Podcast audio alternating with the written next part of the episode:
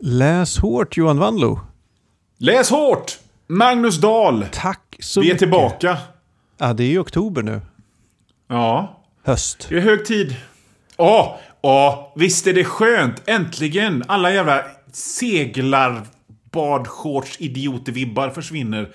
Så man kan liksom gosa ner sig i soffan och läsa. Ja, och man kan liksom gå klädd som en civiliserad människa. Ha en jacka. Ja, i mjukisbyxor. Kläder Jaha, med fickor. Sådana saker. Ja, just det. Helt sant. det tycker Helt jag är sant. viktigt.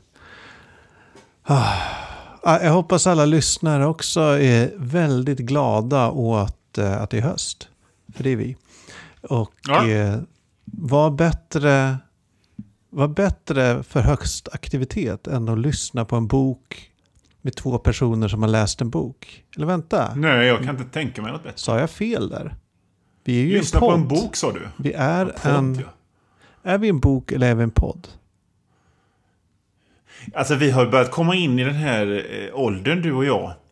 Då vi på något sätt ska göra oss eh, lite... Eh, liksom, vi ska göra oss gällande och vara unga och inte riktigt förstå. Så att eh, då kan vi gott säga att vi, vi har våran... Vi har våran disco-mp3. Ja. Ja, Äh, det är, det är förvånansvärt hur, hur svårt det blir med språk ju äldre man blir. Att hänga Det är som med. eh, Jan Mårtensson sa, han som skriver de här otroligt konservativa och, och babbliga eh, Homan-deckarna. Har du läst någon av dem? Nej. Ja, men det är, han, jag har för mig att han var typ kungens sekreterare i hur många år som helst. Men så varje år så skrev han också eh, en deckare om antikhandlaren Johan Christian Homan. Och det var ett jävla ätande och drickande och rörande sig på i, i societeten. Och där i en intervju då för några år sedan så sa han att ja, jag har ju alltid sett de här böckerna som en slags tidig blogg va? så jag tänker att där är vi nu. Så att vi kan gott säga att här är våran TikTok. ljud... Dans. Exakt! Här är våran TikTok-dans om böcker. Jajamän. Vad är en dans för dig? Nej, men eh, det vi, det vi är ute efter här med vårt svamlande är ju då förutom att illustrera hur det är att sakta, sakta bli dement, eh, även tala om att det här, det är läshårt. Ja, Jag heter Magnus, du heter Johan. Vi pratar om böcker i Precis. varje avsnitt. Böcker vi läst. Oftast har vi också läst en bok gemensamt. Som vi brukar kalla för huvudnumret. Och Ja. eh, sen pratar vi om den ganska mycket. som en bokcirkel fast inte töntig. Ja, precis. Eh, i, som ett led i den här inte töntigheten så har vi ju lite löst tidigare pratat om att vi ska ha ett pris som vi delar ut varje år. Just det, det hade jag glömt. Just det. Årets hårding ja, har det föreslagits heta. Och det ska gå till, hur var det vi beskrev det? En, en mugglare, en vanlig, ej genreintresserad person som råkar gå genrens ärenden. Ja, men det var. Ja, bra. Lite så. Bra beskrivning på det hela. Eh, menar du att jag skulle ha tänkt ut någonting i den här frågan nu? För det har jag inte gjort. inte det minsta. Eh, jag förväntar mig inte att du ska tänka Johan. Du ska bara sitta där och vara snygg. Okej. Ja. Eh, nej, men tidigare hade ju du tagit upp... eh, nu har, jag, nu har, har jag varit så dåligt förberedd att jag inte kommer ihåg vad hon heter. Jo, Mikaela Blomqvist på Göteborgs-Postens kultursida Just det. eh, hade skrivit eh, nergörande om eh, eh, liksom det här realism... Alltså det, det har ju varit en enorm debatt på sista tiden om autofiktion, som Just är ett nytt ord jag har lärt mig. Eh, men som tidigare hette självbiografi eller något sånt. Ehm, att, eh, hon, och jag har inte citatet i huvudet nu, men det var någonting i stil med Vem vill läsa något om någon som, som lämnar barn på dagis och har en Tinder-app? Gud vad fånigt. Och då tyckte jag... Bra där. Ja, ja, men precis. Hon är än så länge den enda nominerade. Men jag har en till nominerad. En helt vanlig människa på Twitter. Eh, som heter Karin Olsson Piskart. Kan man heta det? Piskart? Kanske. At Du- Charlie Truck. Hon skriver så här i ett tweet. Mm. Så, så här skriver hon. Så efter Lindeborgs dagbok och Sigges små njutningar ska vi nu harva Östergrens Arnault-minnen. Giv mig styrka och 20 bra romaner där absolut inget är sant att läsa. Vill Ja. inte läsa autofiktion, true crime, biografier, tillrättalagda dagböcker eller sommarprogram i bokform. Era liv är inte så intresserade som ni tror, kulturmänniskor. Tacka vet jag en riktig skröna. Där har Eh. vi min en nominering till Årets Hårding. Alltså så här, jag känner så här. Jag har ju Claes Östergrens bok eh, på nattduksbordet. Jag tänker läsa den. Eh, jag fann stort nöje i eh, Åsa Linderborgs bok.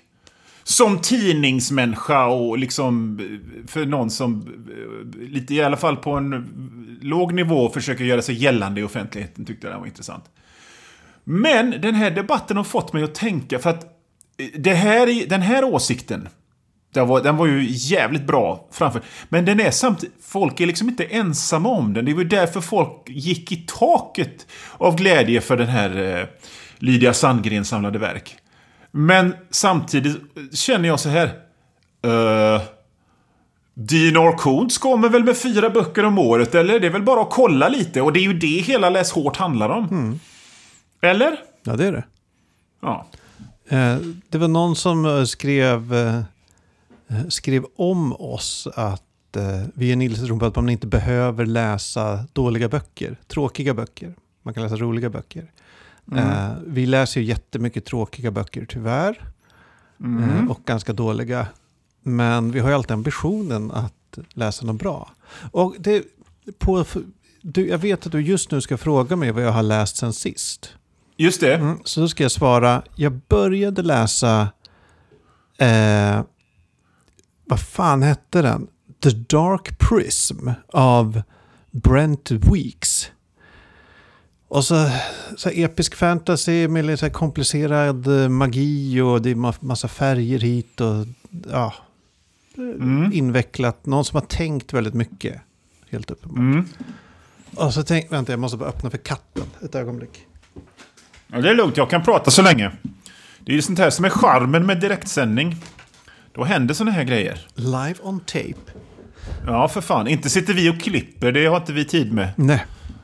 Eh, nej men jag läste den här The Black Prism och tyckte så här, fan jag kom inte riktigt in i den. Jag vet inte varför. Det var så här, vad, är- vad är, varför, hur, det, är, det är något som inte klickar liksom. Har du, har du läst Brent Weeks innan? Nej, Nej, okej. eh, det har jag inte.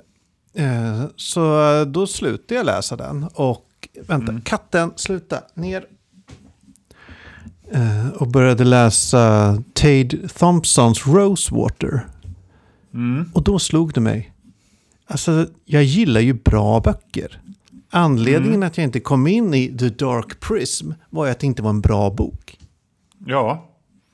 Så det, ja. ja, så svårare än så var det inte. Man behöver inte hålla Nej. på så här, vad är kvalitetslitteratur, vad är ditten, vad är datten? Utan det är Och bara, det är ju... s- du, känner, du vet att en bok är bra när du läser den. Exakt, och det, det behöver ju inte vara, som vi har så många gånger har sagt, en bok kan vara kass men bra. Ja, Som jag brukar säga, liksom, det, det, så här. eh, Kvalitet, schmalitet. Är det tråkigt så är det tråkigt hur jävla bra skrivet det än är. ja. Eller hur? Men det är en bok kan vara bra, men kass. Eller vänta, kan, kan vara kass men bra. Men det är sällan tvärtom, tycker jag. Att så här, äh, något är bra men också dåligt. Det är snarare Du- saker som är dåliga, så dåliga att de är bra. Eller de är dåliga men bra på något speciellt sätt. Eller så är det liksom någonting med ämnet eller stämningen som griper tag i en. Eller det, det är någonting som resonerar med en helt enkelt. Eller, och med, jag menar, då menar jag resonans. Det är liksom någonting som, som, som lirar, som ni säger i Stockholm, med en. Precis. Men du, det är det som du sa, tvärtom. vi sparar det. Vi sätter det i, i, liksom, i, i, i, i matematikuppställningen trappan, så tar vi den och lägger den i minnen sen när vi pratar med, om huvudnumret tycker jag. Ja, spännande. Och vi kan ju spoila redan nu att huvudnumret är ju Tolkien. Mm. Mhm. Eh, ja, men det, den läste jag uh, sådär. Tate Thompsons Rosewater svinbra. Sen håller jag på och läser, uh, uh, gud vad fan heter hon? Lisa Förares Varken. Eller Varken Ja, okej. kanske. Eh, den är asbra. Så här... eh, alltså det är typ John Ajvide Lindqvist fast för 20-talet. Mm. Det är, det är förort, det är villa, villaförort och eh, övernaturligheter som pågår. Det, åh, det där låter... Fan vad härligt det låter. Ja. Jag, jag är en sucker för sånt. När det är liksom tråkig svensk villaförort eller liksom något där. Och så händer det mystiska grejer. Ja, Det precis. jag. Och det är, så, det är så extremt svenskt. Det finns, eh, det här är ingen spoiler för det här introduceras jättetidigt, typ på baksidan av boken. Eh, en organisation som kallas Pro Bonum som eh, undersöker lite så här mystiska, mystiska heter. Och då kan man ju tänka att en sån organisation borde vara jävla ball och spännande. Men det är liksom det mest tråkiga, byråkratiska, svenska jävla eh, sega eländet. Nästan alla interaktioner med den här organisationen är att olika formulär som måste fyllas i. Ja. Eh, det är väldigt bra. Eh, Varken, jag kan rekommendera den. Det är inte riktigt klar med, jag- men svinbra. Fan. Den ska jag nog ta. Är det lite skräck eller? Ja, det är lite skräck. Eller, det är, eh, ja, den har inte varit läskig än. Lite så här, eh, du vet, så här, um, eh, spännande mer. Och lite, Mm. vad är det som händer? Och vad är det här? Och lite mystisk. Så. Men Ja. jag har inte känt det här, uh, som Nej. jag kan känna när jag scrollar förbi skräckraden på Netflix. Nej, nej, nej, okej. Ja, intressant. Ja, nej, men vad, vad har du läst Johan? Jo, jag måste bara säga. Ska, att- om det är okej så tänkte jag ta två korta och så en lång. Ja, kör. För att, för att eh, jag har som ljudbok lyssnat på Star Trek The Original Series-boken. media tie-inen Agents of Influence. Av Dayton Ward. Eller jag har lyssnat på den då. Eh, för jag, jag, vill, jag, jag behöver lyssna på lättsamma grejer när jag sitter och ritar och jobbar. Och då passar ju en, en, en, liksom en nyutkommen bok i, som utspelar sig liksom i Star Trek-universat under the original series jättebra. Och det- alltså den, den, en, en sån bok... Man vet ju redan innan man börjar på den vad man får. Liksom. Det är ju, det är ju, det är ju nostalgironk i princip bara. Så så det, det kan vara hur dåligt eller hur bra som helst. Det, det, har, det har bara en ganska begränsad bandbredd där det kan spela med en. Ja, man vet ju att det, Men i alla det är fall- inte den här boken som liksom science fiction-genrens gränser kommer pushas framåt. Liksom. Nej. I alla fall. Eh, det finns en... eh, Det fanns i internets... I bre, snarare i bredbandets barndom, barndom så, så delade ju jag och kompisar fräna ljudklipp och mp3 med varandra. Liksom. Det var innan Yo- YouTube fanns. Och då var en... En, en ljudklipp på William Shatner som spelade Captain Kirk i original Star Trek. När han sitter och läser in repliker till den tecknade Star Trek-serien som kom efter den riktiga. Mm. Och, och få spel. Han säger, han säger Spock, sabotage the system. Och så hör man liksom ljudtecknaren som säger eh, du, Säg så här istället, säg sabotage the system. Och så hör man hur William Shatner dryg får spel och säger You say sabotage. I say sabotage. Don't tell me how to do it. It sickens me. Det, det, var ju såna, det är liksom hårdvaluta bland sådana kultsnubbar som jag och mina kompisar och skickar sånt till varandra. I alla fall, i den här boken Agents of Influence of Dayton Ward så inläsaren vars namn jag har glömt han, han gör inte det här med att han imiterar skådespelarna när han läser eh, texten. Och det, det är bra. Verkligen. Men vid ett, till, vid ett tillfälle så ska Captain Kirk säga en replik där ordet sabotage ingår. Och han säger det! Sabotage! Fy fan, jag, du vet, jag vill... Jag, jag, ville, jag ställde mig upp och ju, jubla när jag hörde det, för det var så jävla bra. Jag älskar sån referenshumor. Det var gjort bara för dig i princip. Ja, det var... Det, jag bara... Wow! Fy fan vad bra det var. Så, så där fick den boken fem stjärnor på Goodreads bara för det. Sen har jag läst... Jag har många, många gånger pratat om Death in eh, om Otesha Moshfeghs My Year of Rest and Relax- Relaxation. Ja, det är har en de kommit med en ny... återkommande referens. Ja. Ja, eh, för det var den bästa boken jag läste det året. Och eh, nu har de kommit med en helt ny roman som heter Death in her hands. Och det här är ju inte en läs hårt-bok, det här är ju riktig litteratur. eh, För att folk anser det. Men eh, jag älskade den boken för att det, den utspelas... I, det, det är en ensam kvinna som, eh, som bor ensam med en hund. Som hittar en lapp där det, där det står eh, Här ligger namnet på en flicka. Jag dödade henne inte. Och så dras hon in i en deckare. Men det är ingen deckare och det råder tvekan om det här har hänt överhuvudtaget eller om det bara finns i hennes huvud. Och man, liksom, boken saknar nästan helt dialog för att det är bara hennes inre monolog hela tiden. Ja, ja. Och det är också en väldigt fridsam miljö i mellanvästern där det är höst och kvistar och kråkor och... Ja, eh, jag, jag älskade den boken och det är, som, det är som det här som folk brukar prata om när de pratar om riktig litteratur. Och vila i texten. Jag tyckte det var uppfräschande att läsa den på något sätt för att det var som att lyssna på musik. Få, jag Men om vi då ska gå till- henne. Så jag kanske får göra det. Ja, för att det var samma känsla jag fick när jag läste Rest, My Year of Rest and Relaxation också. För att jag fick nästan en fysisk reaktion på det. Jag har pratat om det förr. om, eh, My Year of Rest and Relaxation handlar om en kvinna som, som checkar ut. Hon ska sova i ett år. Och när jag, när jag läste den boken så var jag väldigt trött och sliten. Och det var väldigt uppfriskande att lyssna på en bok om någon som sover i ett år. För att jag själv ville sova i ett år. Förstår du? Ja, jag fattar. Och det är liksom nästan lite grann med den här eh, boken, för det är som, det är som ambient musik på något sätt. Men då, om jag, om jag har läst någonting som är sådär läs hårtigt, så har jag läst eh, boken Are Snakes Necessary? Av Brian Okej, De Palma och. Susan... Ja, eh, Are Snakes Necessary av Brian De Palma och Susan Lehman. Och det är alltså filmregissören Brian De Palma som har gjort eh, skönlitterär debut. Men en, eh, vem är den andra? du, jag har googlat efter henne, typ eh, skådespelare.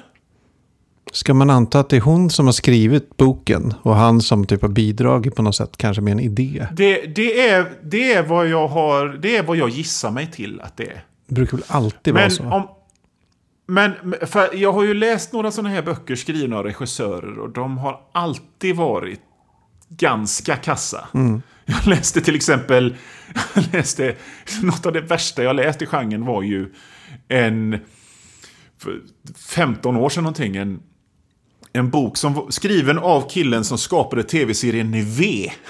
Okej. Så var, det, så var det fortsättningen på V, 15 år senare, och det var så värdelöst.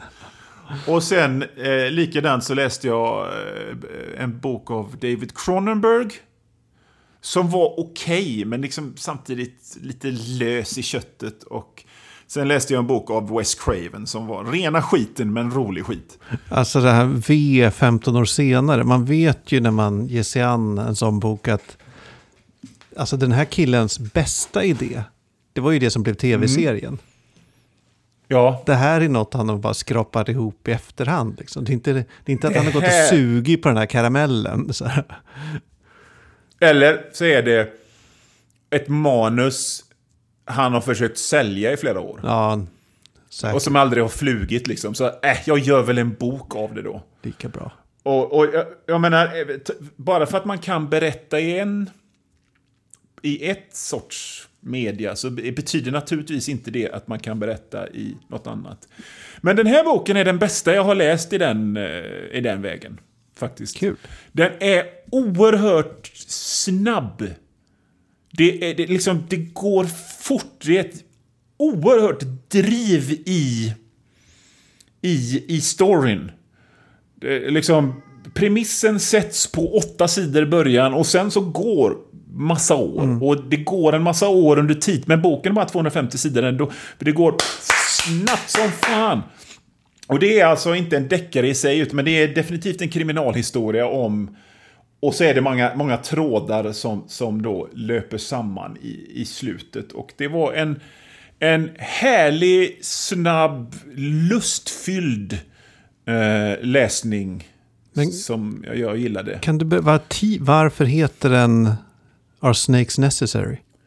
Ja, det undrar jag hela boken. Exakt hela boken tills det ungefär var tre, tre sidor kvar. Ah, okay. Det är en replik som någon säger. Spännande, Men det handlar om en korrupt... grepp. Det brukar det ju inte... Det, inte så man brukar sätta titeln på en bok oftast. Nej, och, och jag menar, eh, och, och liksom storyn i korthet är... Det är en, eh, en, en politiker som ligger runt och som... Han är, han är nödvändigtvis inte korrupt rent politiskt, men han är omoralisk mm. för att han, han bedrar sin fru hit och dit. Och så har han en sån här fixer, en handler, som, som är väldigt korrupt. Och han... Han eh, rekryterade någon, någon, någon tjej, en tonårs, en liksom 19-årig tjej i början som jobbar på en McDonalds. Att om hon vill ställa upp på och göra någonting så här omoraliskt, liksom sätta dit en politisk motståndare helt enkelt. Och så um, fuckar det upp sig för henne och, och det är hennes hämnd och det är den här uh, fixarens liksom omoral som ballar ur och det är... Ja, nej men mycket bra och det är kort. 250 sidor. Det är en bok i den här uh, Hard Case Crime-serien ah, ja. som jag har pratat om många gånger. Läsårt favorit. Men eh, verkligen. Och eh, bättre än vad man kan tro. Kul. Eh, det här med titeln, det är ju det är mycket vanligare i film. Att någon säger mm. filmens titel någon gång under filmen. Jag tror till och med det finns ett ja. Eh, Simpsons-avsnitt om det. Där typ Homer är, applåderar varje gång det händer. När någon säger It's Chinatown. Eller något sånt där i filmen som heter Chinatown. Ja, ja visst. Mm. Eh, hade du några mer böcker du ville nämna? Eller det här Nej, var det var det som jag... Eh, det var nummer tre.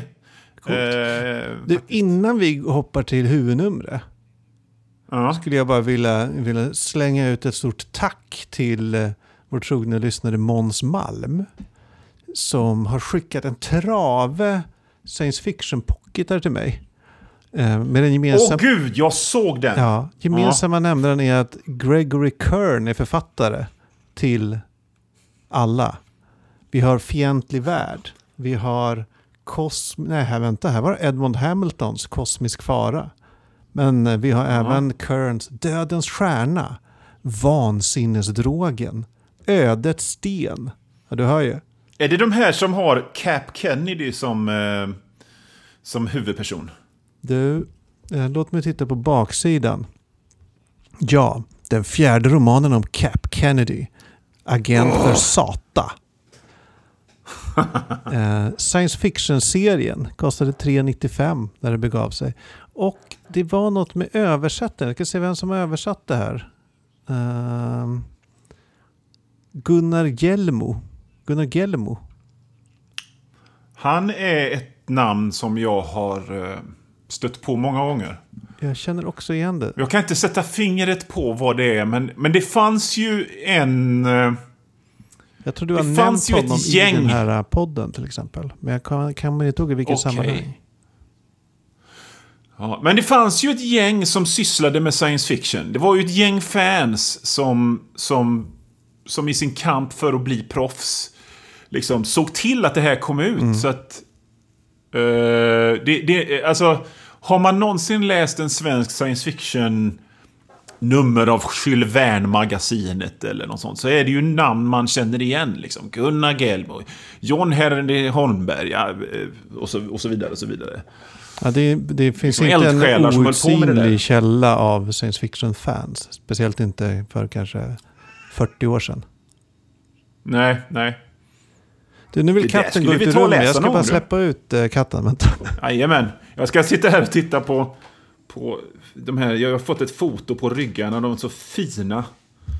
Ja, men jag tänker att vi kanske är vid stor- något tillfälle tar ett Kern-grepp. Alltså jag tycker det är så jävla mysigt när man sitter på de här och så står det liksom bok nummer 15. ja. Liksom, när jag läste ki- kioskböcker som liten så tänkte man så här. Fan vad mysigt det måste vara att bara få ha som jobb och gå upp klockan 11 och sen sitta och hitta på såna här grejer om och om och om igen så att man är uppe i bok nummer 15. Helt sjukt. Fan vad härligt. Ja, ja, vi får se vad vi ska göra av den här högen. Eh, Men något kommer det nog bli framåt. Vi får se. Ja. Du, eh, ja, då var det väl dags för huvudnumret då. Och det var du som valde så att du får väl börja då. Jag får börja. Mm. Ja, men så här är det. va. Jag valde ju att vi skulle läsa The Story of Kullervo av eh, J.R.R. Tolkien. Du känner till Tolkien sedan tidigare, gissar jag. Ja, det är han som hittar på eh, Sagan om ringen va? Precis, det var han. Den, den tjommen. Eh, Och jag är ju ett Sagan om ringen-fan. Eller jag vet inte, är man det? Jag har varit det i alla fall. Jag läste Sagan om ringen kanske en gång om året från jag var 14 till jag var 20 kanske. Eh, gillar den jättemycket. Har läst Silmarillion, bara en sån sak. Fatta. Och lite så här Ja. kring, kring Sagan om ringen-litteratur. Vad allt Lyssnat på Marillion, lyssnat på Bo Hansson-skivan. Ja, men precis. Eh, men sen... Jag har inte läst någonting annat av Tolkien egentligen. Och inte läst någonting du- av Tolkien sen... Alltså på liksom 20 år nu. Egentligen. Nej, Men om jag du har läst Bilbo va? Bil- Jag försökte läsa nyöversättningen av Bilbo. Eh, jättetråkig. Ja. Störde mig som Okej. fan på att, de, eh, att eh, The Necromancer har blivit översatt till nekromanten. Okej. En nekromant. Ja, det är säkert helt korrekt, men nekromantiker säger jag. Nekromant. Ja, det är klart. Skitsamma. Nej, men så jag, jag ville liksom hitta en väg in i Tolkien igen och liksom se om det finns något där som jag kan gilla som är skilt från hela liksom Sagan om ringen-nostalgin för mig. För det är ju mycket nostalgi med Sagan om ringen. Det är svårt, jag kan inte riktigt skilja på vad jag egentligen tycker om texten och vad jag, vad jag minns hände med mig när jag läste den när jag gick i högstadiet. Om du förstår. Nej. Eh, Det är liksom Ja. hopvävt i någon sorts eh, mytologi om mitt eget uppvaknande som läsare kanske. Ja, ja, visst. Eh, Så det var därifrån eh, det här valet kom. Och så jag gick, det släpps ju nya böcker av Tolkien då och då. Alltså eh, Mm. edited by Christopher Tolkien och sådär. Den här som vi har läst är redigerad av Verlin... Vad fan heter människan? Verlin Flyger. Helt vanligt brittiskt namn. Eh, och... eh, ja, Ja, du, ska, ska jag bara ta, Ja. ska jag ta och dra mitt, mitt, eh, mitt förhållande till Ja, Tolkien? gör det, gör det. Du tar ditt förhållande, Ja. sen berättar vi vad boken handlar om. Typ. Och sen, sen kör vi Mm. på. Eh, för att, för att eh, jag var ju tidigt intresserad av genre som läsare. Eh, så, men av, av någon anledning så hade jag inte läst eh, Sagan om ringen eller något annat. Så skulle vi läsa Bilbo i skolan. Och jag tyckte det var värdelöst. Och folk bara, men du gillar ju sånt här. Varför gillar du inte det här? Och jag kan inte sätta fingret på Hur det. gammal var du? Eh, 13 år. Ja, 13-14. jag tror kanske man är för gammal vi- för Bilbo då. Det kanske är... Men jag, jag kunde bara... liksom, Det, det, det, jag, jag, jag, och det vid samma tid så hade jag ju läst Momo, Kampen om tiden och den oändliga historien och så. Som jag älskade. Också väldigt sagoaktiga böcker. Verkligen. Alltså inte... inte, inte ja, jag har svårt att förklara, men, men, men det var någonting med Bilbo som inte fick mig att, att, att fastna. Och sen, så många år senare, så träffade jag min totalt genre-ointresserade fru. Som eh, all, liksom aldrig skulle läsa science fiction, aldrig skulle läsa fantasy, gillar deckare. Punkt. Men precis som du så läser hon Sagan om ringen, kanske inte varje år, men vart femte. Ehm, sådär. Och, jag, jag, jag, och då läste jag Sagan om ringen och tyckte väl att det var okej. Men Samtidigt så fanns det något jävla motstånd där som jag inte kunde begripa. Jag kunde inte sätta fingret på vad motståndet var. Vad det var som satt i vägen för att jag skulle kunna sugas in i det här. Hur gammal Så var, där du, var ligger- du här i, i historien? 31 kanske. Ja. Men då, Och nu är jag 48, full disclosure. då, jag gissar att du, du ändå som genremänniska hade snappat upp en del om Sagan om ringen, om Tolkien. Eh, Självklart. snappat upp liksom hur aktad han var. Ja, ja, ja, men självklart. eh, den typen av grejer Och det- som gör det svårt det visste att... ju jag redan. Ja, men det gör det svårt att liksom ju komma in redan. i ett verk, tycker jag. Om man redan Jag från visste ju början. det redan när vi skulle läsa Bilbo. Liksom. Jag menar, Sagan om ringen har det ju pratats om sen jag var liten. Alltså, när jag var liten så pratade man ju om den tecknade filmen som, som, eh, eh, som kom. Eh, och sådär. Så att jag, jag visste ju redan det, det redan då. Det var nog min första kontakt Eh. med Sagan om ringen också faktiskt. Ja. Så att jag hade, liksom, men, men om vi säger så här, jag, jag hade, jag hade, det var, det var inte helt, eh, det var inte helt, eh, det, det var inte det att jag tyckte det var dåligt, men det var samtidigt inte, liksom, det, var, det var inte för mig. Nej. Så där är jag med tolken. Mm, ja, jag fattar. Ja, faktiskt. du, du, du, mm. Eh, och då väljer jag att vi ska läsa Tolkiens uh, Kallevalla fanfiction från typ 1914 eller när det var han skrev. Mellan 1914 och 1916 där någon gång. Eh, Ja. Det är ju som jag, jag, är ingen, jag har läst Kalevala när jag pluggade litteraturvetenskap för tusen år sedan. Eh, och jag har inget Ja. minne av, av Kullervo i den. Eh, det kan vara för att jag slarvigt läste den, för jag behövde bli klar till någon, någon annan grej. Eh, men det här är ju då en bok som handlar om en pojke som heter Kullervo. Vars mamma Mm. blir fångad av en ond trollkarl. Vars pappa blir mördad av samma trollkarl. Eh, och sen måste han bo hos den här trollkarlen. Och det är... Mm. Han får genomgå massa prövningar som han typ klarar på listiga sätt. Och det är typ så. Slutar med att han dödar Mm. trollkarlen vill jag minnas. För- om man ska Ja. sammanfatta storyn. Och den är ju skriven på... eh, det är någon sorts vers va? Ja, alltså det, det är ju... Det, det var det jag tänkte på när jag läste, att det var, det var som en riktigt lång jävla dikt. Alltså det är ju dels själva den så att säga, brödtexten som är, den kanske inte är på vers, men den är liksom väldigt arkaisk. Ja. Väldigt ålderdomlig Det är skriven. ord som jag inte förstår, Ja. men ja. Eh, och sen är det ju väldigt mycket sånger och trollformler och ramsor insprängda i den här boken. ja just det. Eh, men jag, jag vill åter, bara gå tillbaka snabbt till, innan du får berätta vad du tyckte om det här. Mm. Gå tillbaka snabbt till att säga att det här var alltså, Tolkien när han skrev den här var 20-24 år ungefär. Eh, Ja. Han satte sig då och skrev Kallevalla fanfiction. Lite pretto tycker jag. När jag, Ja. jag vet inte vad du skrev för grejer när du var kanske 20, men eh, ja, min Det var inte fanfiction till Kalle i alla fall. jag typ så här, det här är Tolkiens första novell som jag fattade, som finns bevarad i alla fall. Ja. Och- Men den är ju inte ens eh, fullständig. Nej, precis. Det bara Utan, utan det är ju liksom, den är 40 sidor och sen så slutar det med eh, ett sammandrag, hans synopsis av resten av storyn. Ja.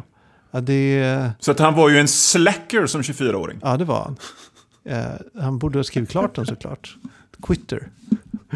Nej, men Ja, jag vet inte. Jag, när jag var 20-24 så skrev jag typ en novell som handlade om att Astrid Lindgren återuppstod som en zombie. Eh, och, och slogs med kungen. så så det, det, var, Ja. det var vad jag ägnade mig åt då. Eh, Du, alltså, du sa ordet arkaisk förut. ja, Som jag har hört men inte kan eftersom jag är outbildad. Men jag skrev i mina anteckningar tillkämpat gammaldags. extremt tillkämpat gammaldags.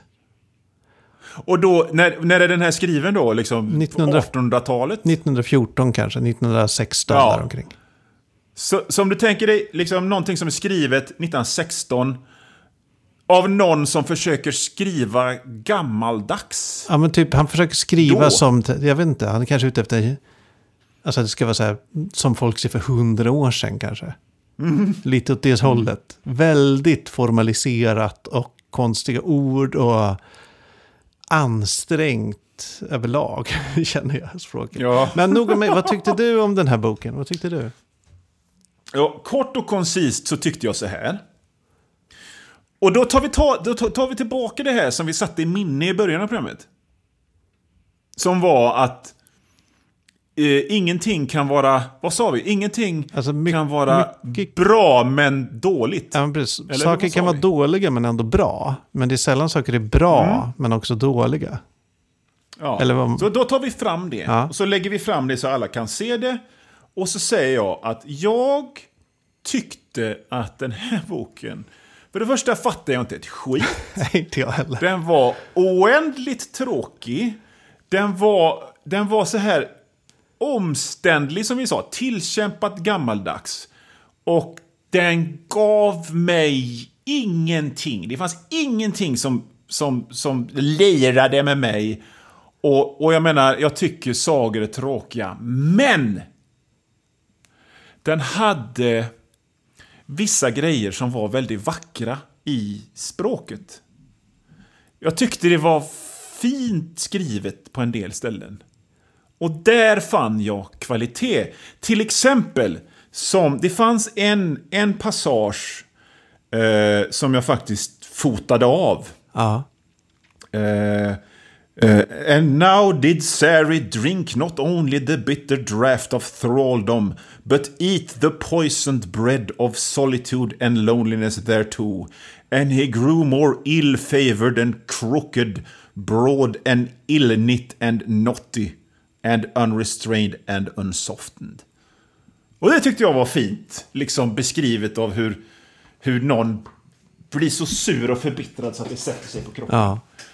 Så att det var liksom såna grejer som jag som ändå gav mig något i läsandet. Det var liksom så här, små, små, små nuggets i någonting som i övrigt var skittråkigt. Ja, det satt ju ens liksom engelska läsförståelse på prövning, den här boken.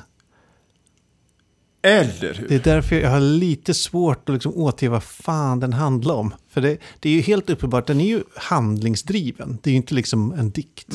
Utan det är ju så här, så, först får han utmaningen att, eh, fan vet jag, jag kommer skörda den här åken som skulle vara omöjligt. Ja. Och så gör han det på ett fiffigt sätt. Och så här. Det är väldigt så här, sagohandlingsdrivet.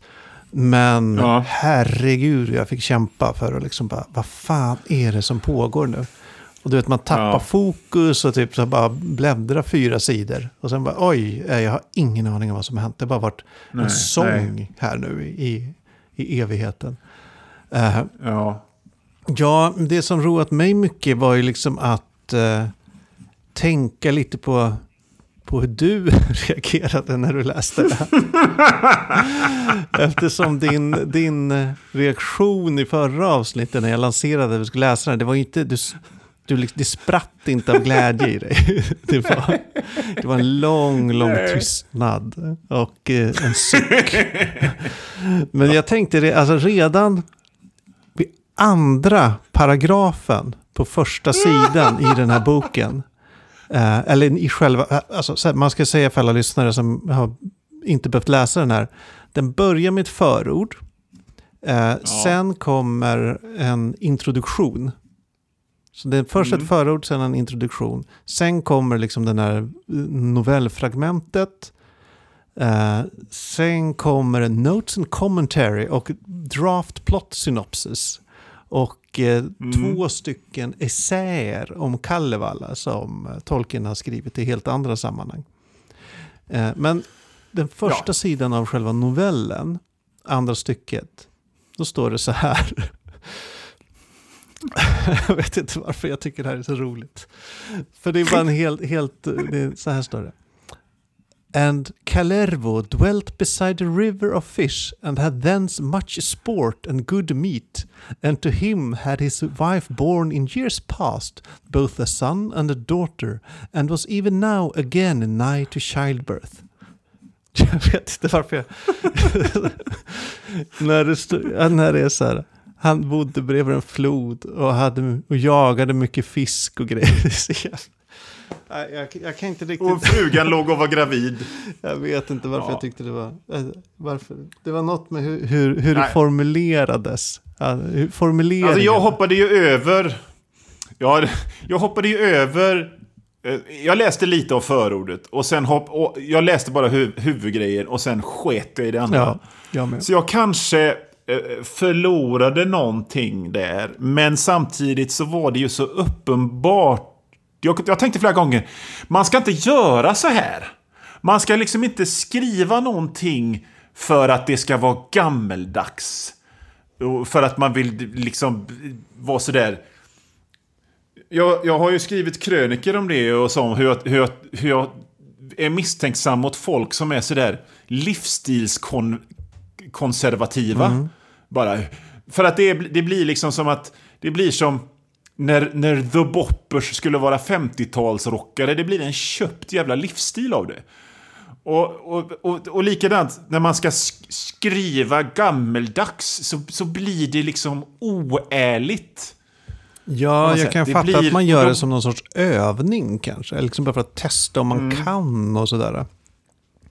Men det känns ju som det finns en anledning att han inte skrev klart den. Kanske att han tyckte det var Ja. så jävla trökigt. bara så jävla dammigt att sitta och hålla på med det där när han hade massa andra roliga grejer för sig. Men, men den här skadeglädjen du kände när du dro, drog det här för mig i förra avsnittet, att vi skulle läsa den. Kan man säga att den skadeglädjen kom och bet dig i svansen ja, lite? det gjorde den. Allt. Ja! Ja! Ja, men det känns som hela den här boken ges ut bara, alltså då, både i förordet och introduktionen och förordet till essäerna som kommer sen så är det ju, man verkligen, smär, de tar i så in i helvete för att så här visa den här boken är viktig för Tolkiens författarskap. Den har fröna till Ja. den och den karaktären som kommer eh, göra, liksom vara med i Silmarillion och så här. Och man bara, ja, fast det är också liksom ett... Eh, alltså idén med en, en tragisk hjälte är liksom inte så unik att den bara kan ha kommit Nej. härifrån. Liksom det det Nej, finns andra nej. tragiska hjältar man kan inspireras av också. Eh, men det som fascinerar mig med nästan alla sådana här, ja, med Tolkien och alla gamla författare är ju hur jävla mycket manuskript och skit som eh, deras ättlingar hittar i olika garderober och lådor och sådär. Ja. Alltså att, att Kristoffer Tolkien, då, eh, sonen, har liksom kunnat bygga en hel karriär på att ge ut olika så här eh, oavslutade eh, liksom, böcker och noveller och manuskript från sin farsa. Hur jävla mycket, Mm. hur många lårar med text ligger det och väntar liksom. Ja, och hur, hur, vilka bearbetningar går de genom för att bli presentabelt överhuvudtaget? Mm. Jo, man ger ut ett novellutkast omgivet med en massa isär och skit. Det känns som att syftet det här är, alltså inte att man... Det känns som att syftet är liksom litteraturhistoriskt med den här boken. Snarare än att nu ska ni få Kolla den här jävla dängan som gubben slängde ihop när han var ung. Ja, nej, exakt. Eh, jag, jag hade någon... Jag hade någon... eh, jag hade någon eh, parallell med Lee Child som skriver Jack Reacher-böcker nu. Det har kommit en, det har kommit en biografi över honom. Ja. Så jag tänkte bara, ja men jag gillar ju, jag gillar ju Reacher-böckerna. Om man skulle köpa den boken och så läste jag ett utdrag och då var det bara liksom, de försökte göra någon slags action... eh, De försökte få det här med att hans första draft inte var bra och att redaktören ändrade några grejer till någon slags spännande grej. Du vet, man bara hörde den här moderna actionfilmsmusiken. Och så tänker man sig hur de är en filmatisering, hur redaktören... Det zoomas in på honom och säger Du! Byt namn på karaktären till Reacher istället för Grant. Det är ju så tråkigt, själva hantverket för en utomstående att skapa grejer egentligen. Extremt tråkigt. Så... Eh, Jag tror det var Erik Lindén just på Twitter som i något sammanhang sa så här eh, att författare är, är ett väldigt särskilt särskild yrkesgrupp. För när det görs tv-program om dem, vilket det gör, så här, Babel och allt möjligt. Då, handlar det, då är det liksom författare som på någon sorts metanivå sitter och pratar om sitt skrivande. När det görs eh, tv-program om sig poliser eller sjuksköterskor. Då är det Ja. ju att man är med dem när de aktivt utövar sin profession. Ja. Men att göra ett sånt program eh, i, om en författare är då kanske, vore nog ingen succé. Här Nej. sitter Johan och skriver. Eller, eller, eller, eller ännu värre. Här sitter Johan och stirrar rakt ut i luften i en kvart för att skriva i två minuter. Exakt, världens tråkigaste så här, doku, dokumentär. Eh, nej men jag, just det här med att ha massa manuskript liggande. Eh, Jag är ju ingen publicerad författare annat än min självutgivna diktsamling som ingen av våra lyssnare har laddat ner. Eh, hint. Då sitter jag och skrattar, förlåt.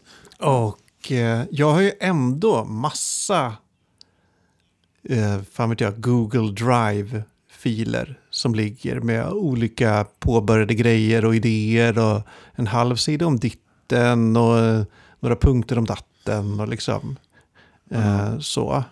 Och jag vet inte hur du jobbar, men jag gissar att du har en hel del anteckningar och skisser också.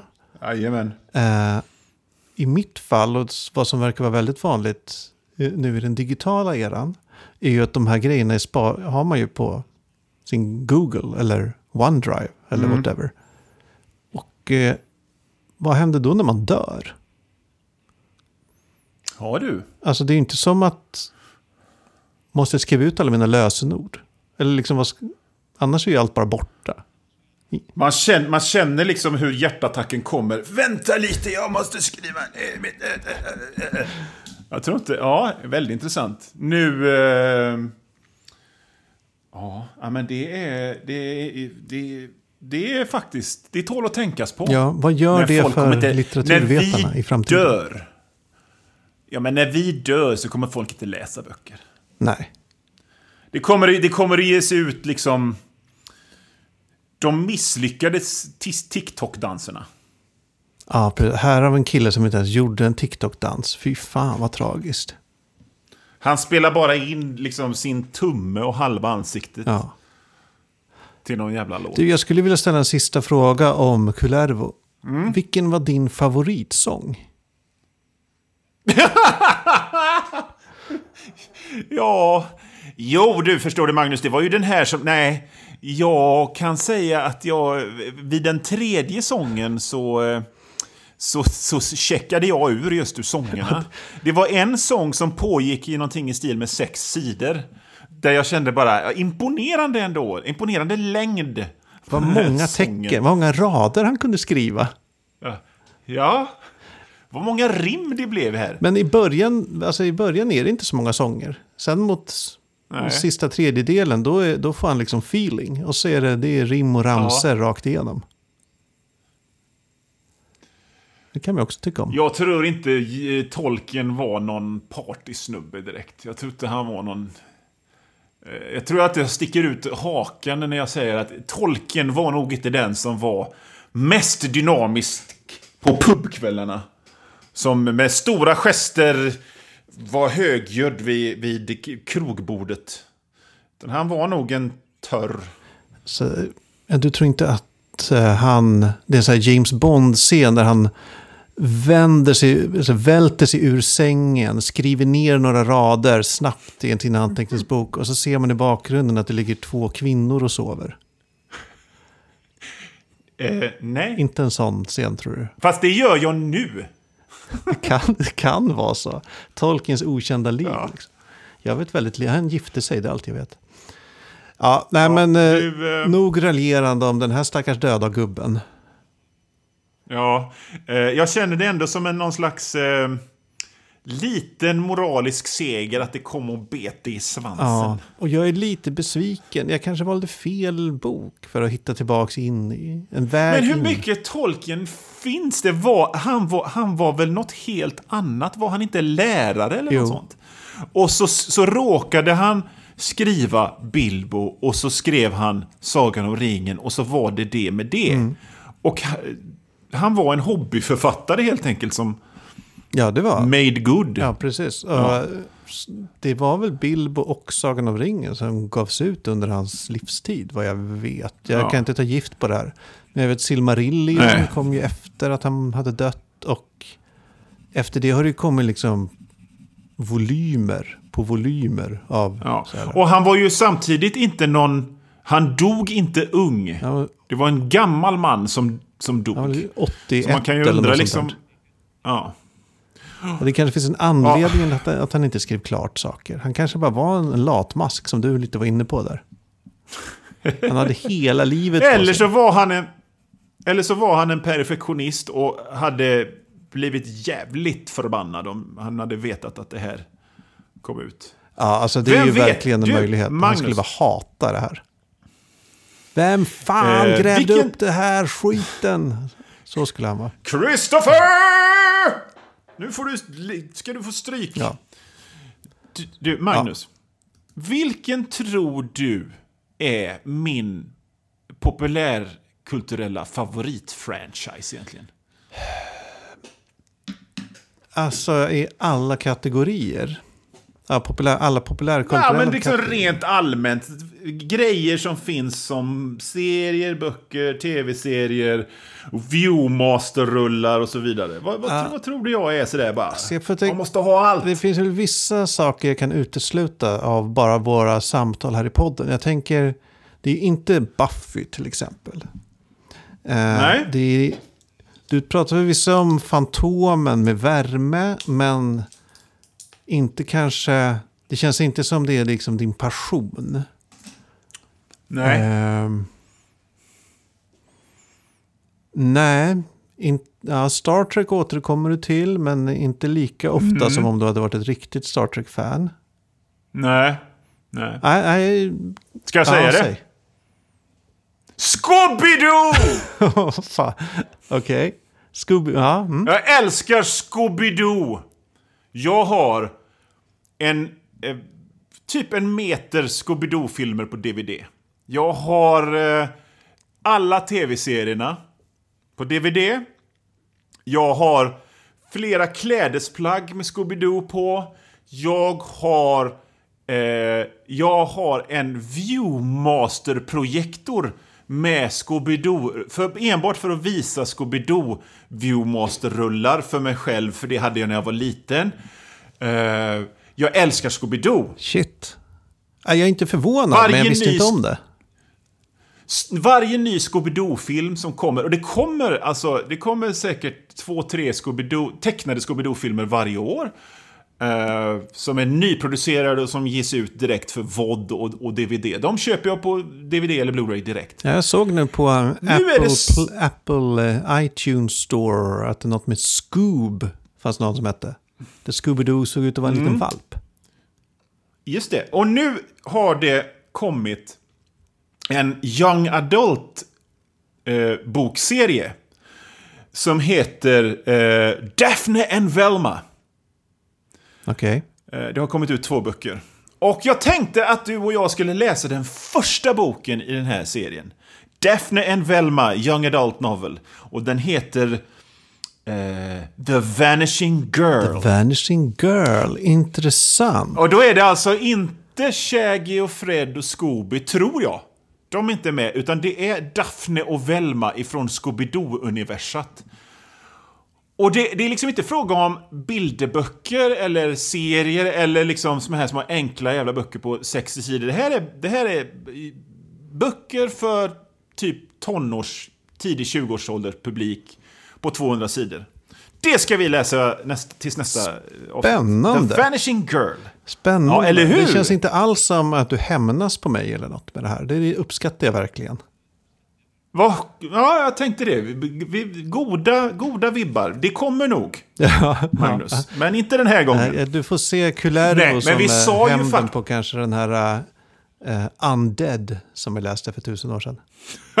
men det var, den bet mig i svansen också. Men vi sa ju faktiskt i förra avsnittet att det handlar om grejer som vi vill läsa. Ja, och ibland vill Och man läsa såg att saker de här som visar finns- sig vara kassa. Så är det ju. Ja, och, och jag menar, eh, eh, jag ville, när jag såg den här, när den dök upp som en rekommendation, så bara ja! Den tar vi. Och varför inte läsa den ihop? Varför inte? För det är ju verkligen... Och vi har aldrig läst, så vitt jag minns, någon som huvudnumret, någon sån här media tie-in. Men vi har pratat om det ofta och nu tycker jag fan mig det är dags. Och varför inte om min favoritfranchise Scooby-Doo? Räknas inte Vampirella Blood Invasion som någon sorts mediatie? Jo, det gör den ju. Fan också. Men Jo, det den är inte, Åh, den är, det är liksom en, på en annan nivå kanske. Scooby-Doo Ja, är ju, den har inte samma- är ju liksom större än Vampirella. Sen får man tycka vad man vill om det, men så är det ju. Ja. ja. Ja, så är det. Mm. Ja, ja, får- mm, det, ja, Jag- jag har jag dåligt minne, vad fan. Skitbra! Vet du vad, vill du höra en anekdot eh, från mig om Scooby-Doo? Ja, gärna. Min, min främsta relation till Scooby-Doo var att jag, när Scooby-Doo Monster Island, eller vad sjutton den hette, den här filmen, Mm. kom, så gick jag på dejt och såg den. Okej. Hände inte så mycket mer med den dejten Kul. kan jag säga. Nej, Men eh, det, kan, det, det hade väl du kunnat fatta själv. Ja, friskt vågat. Den första filmen jag och min fru såg på bio ihop var South Park-filmen. bättre. Det gick bra Ja. ändå. Det kan man ändå respektera det filmvalet. Ja, nej, men vi Ja. är tillbaka i slutet av eh, oktober, början av november, däromkring månadsskiftet. Och då ska vi snacka Och då har vi läst The Vanishing Girl. Daphne Velma, J.A. Novel nummer ett. Läs hårt, Läs hårt, Magnus! Johan.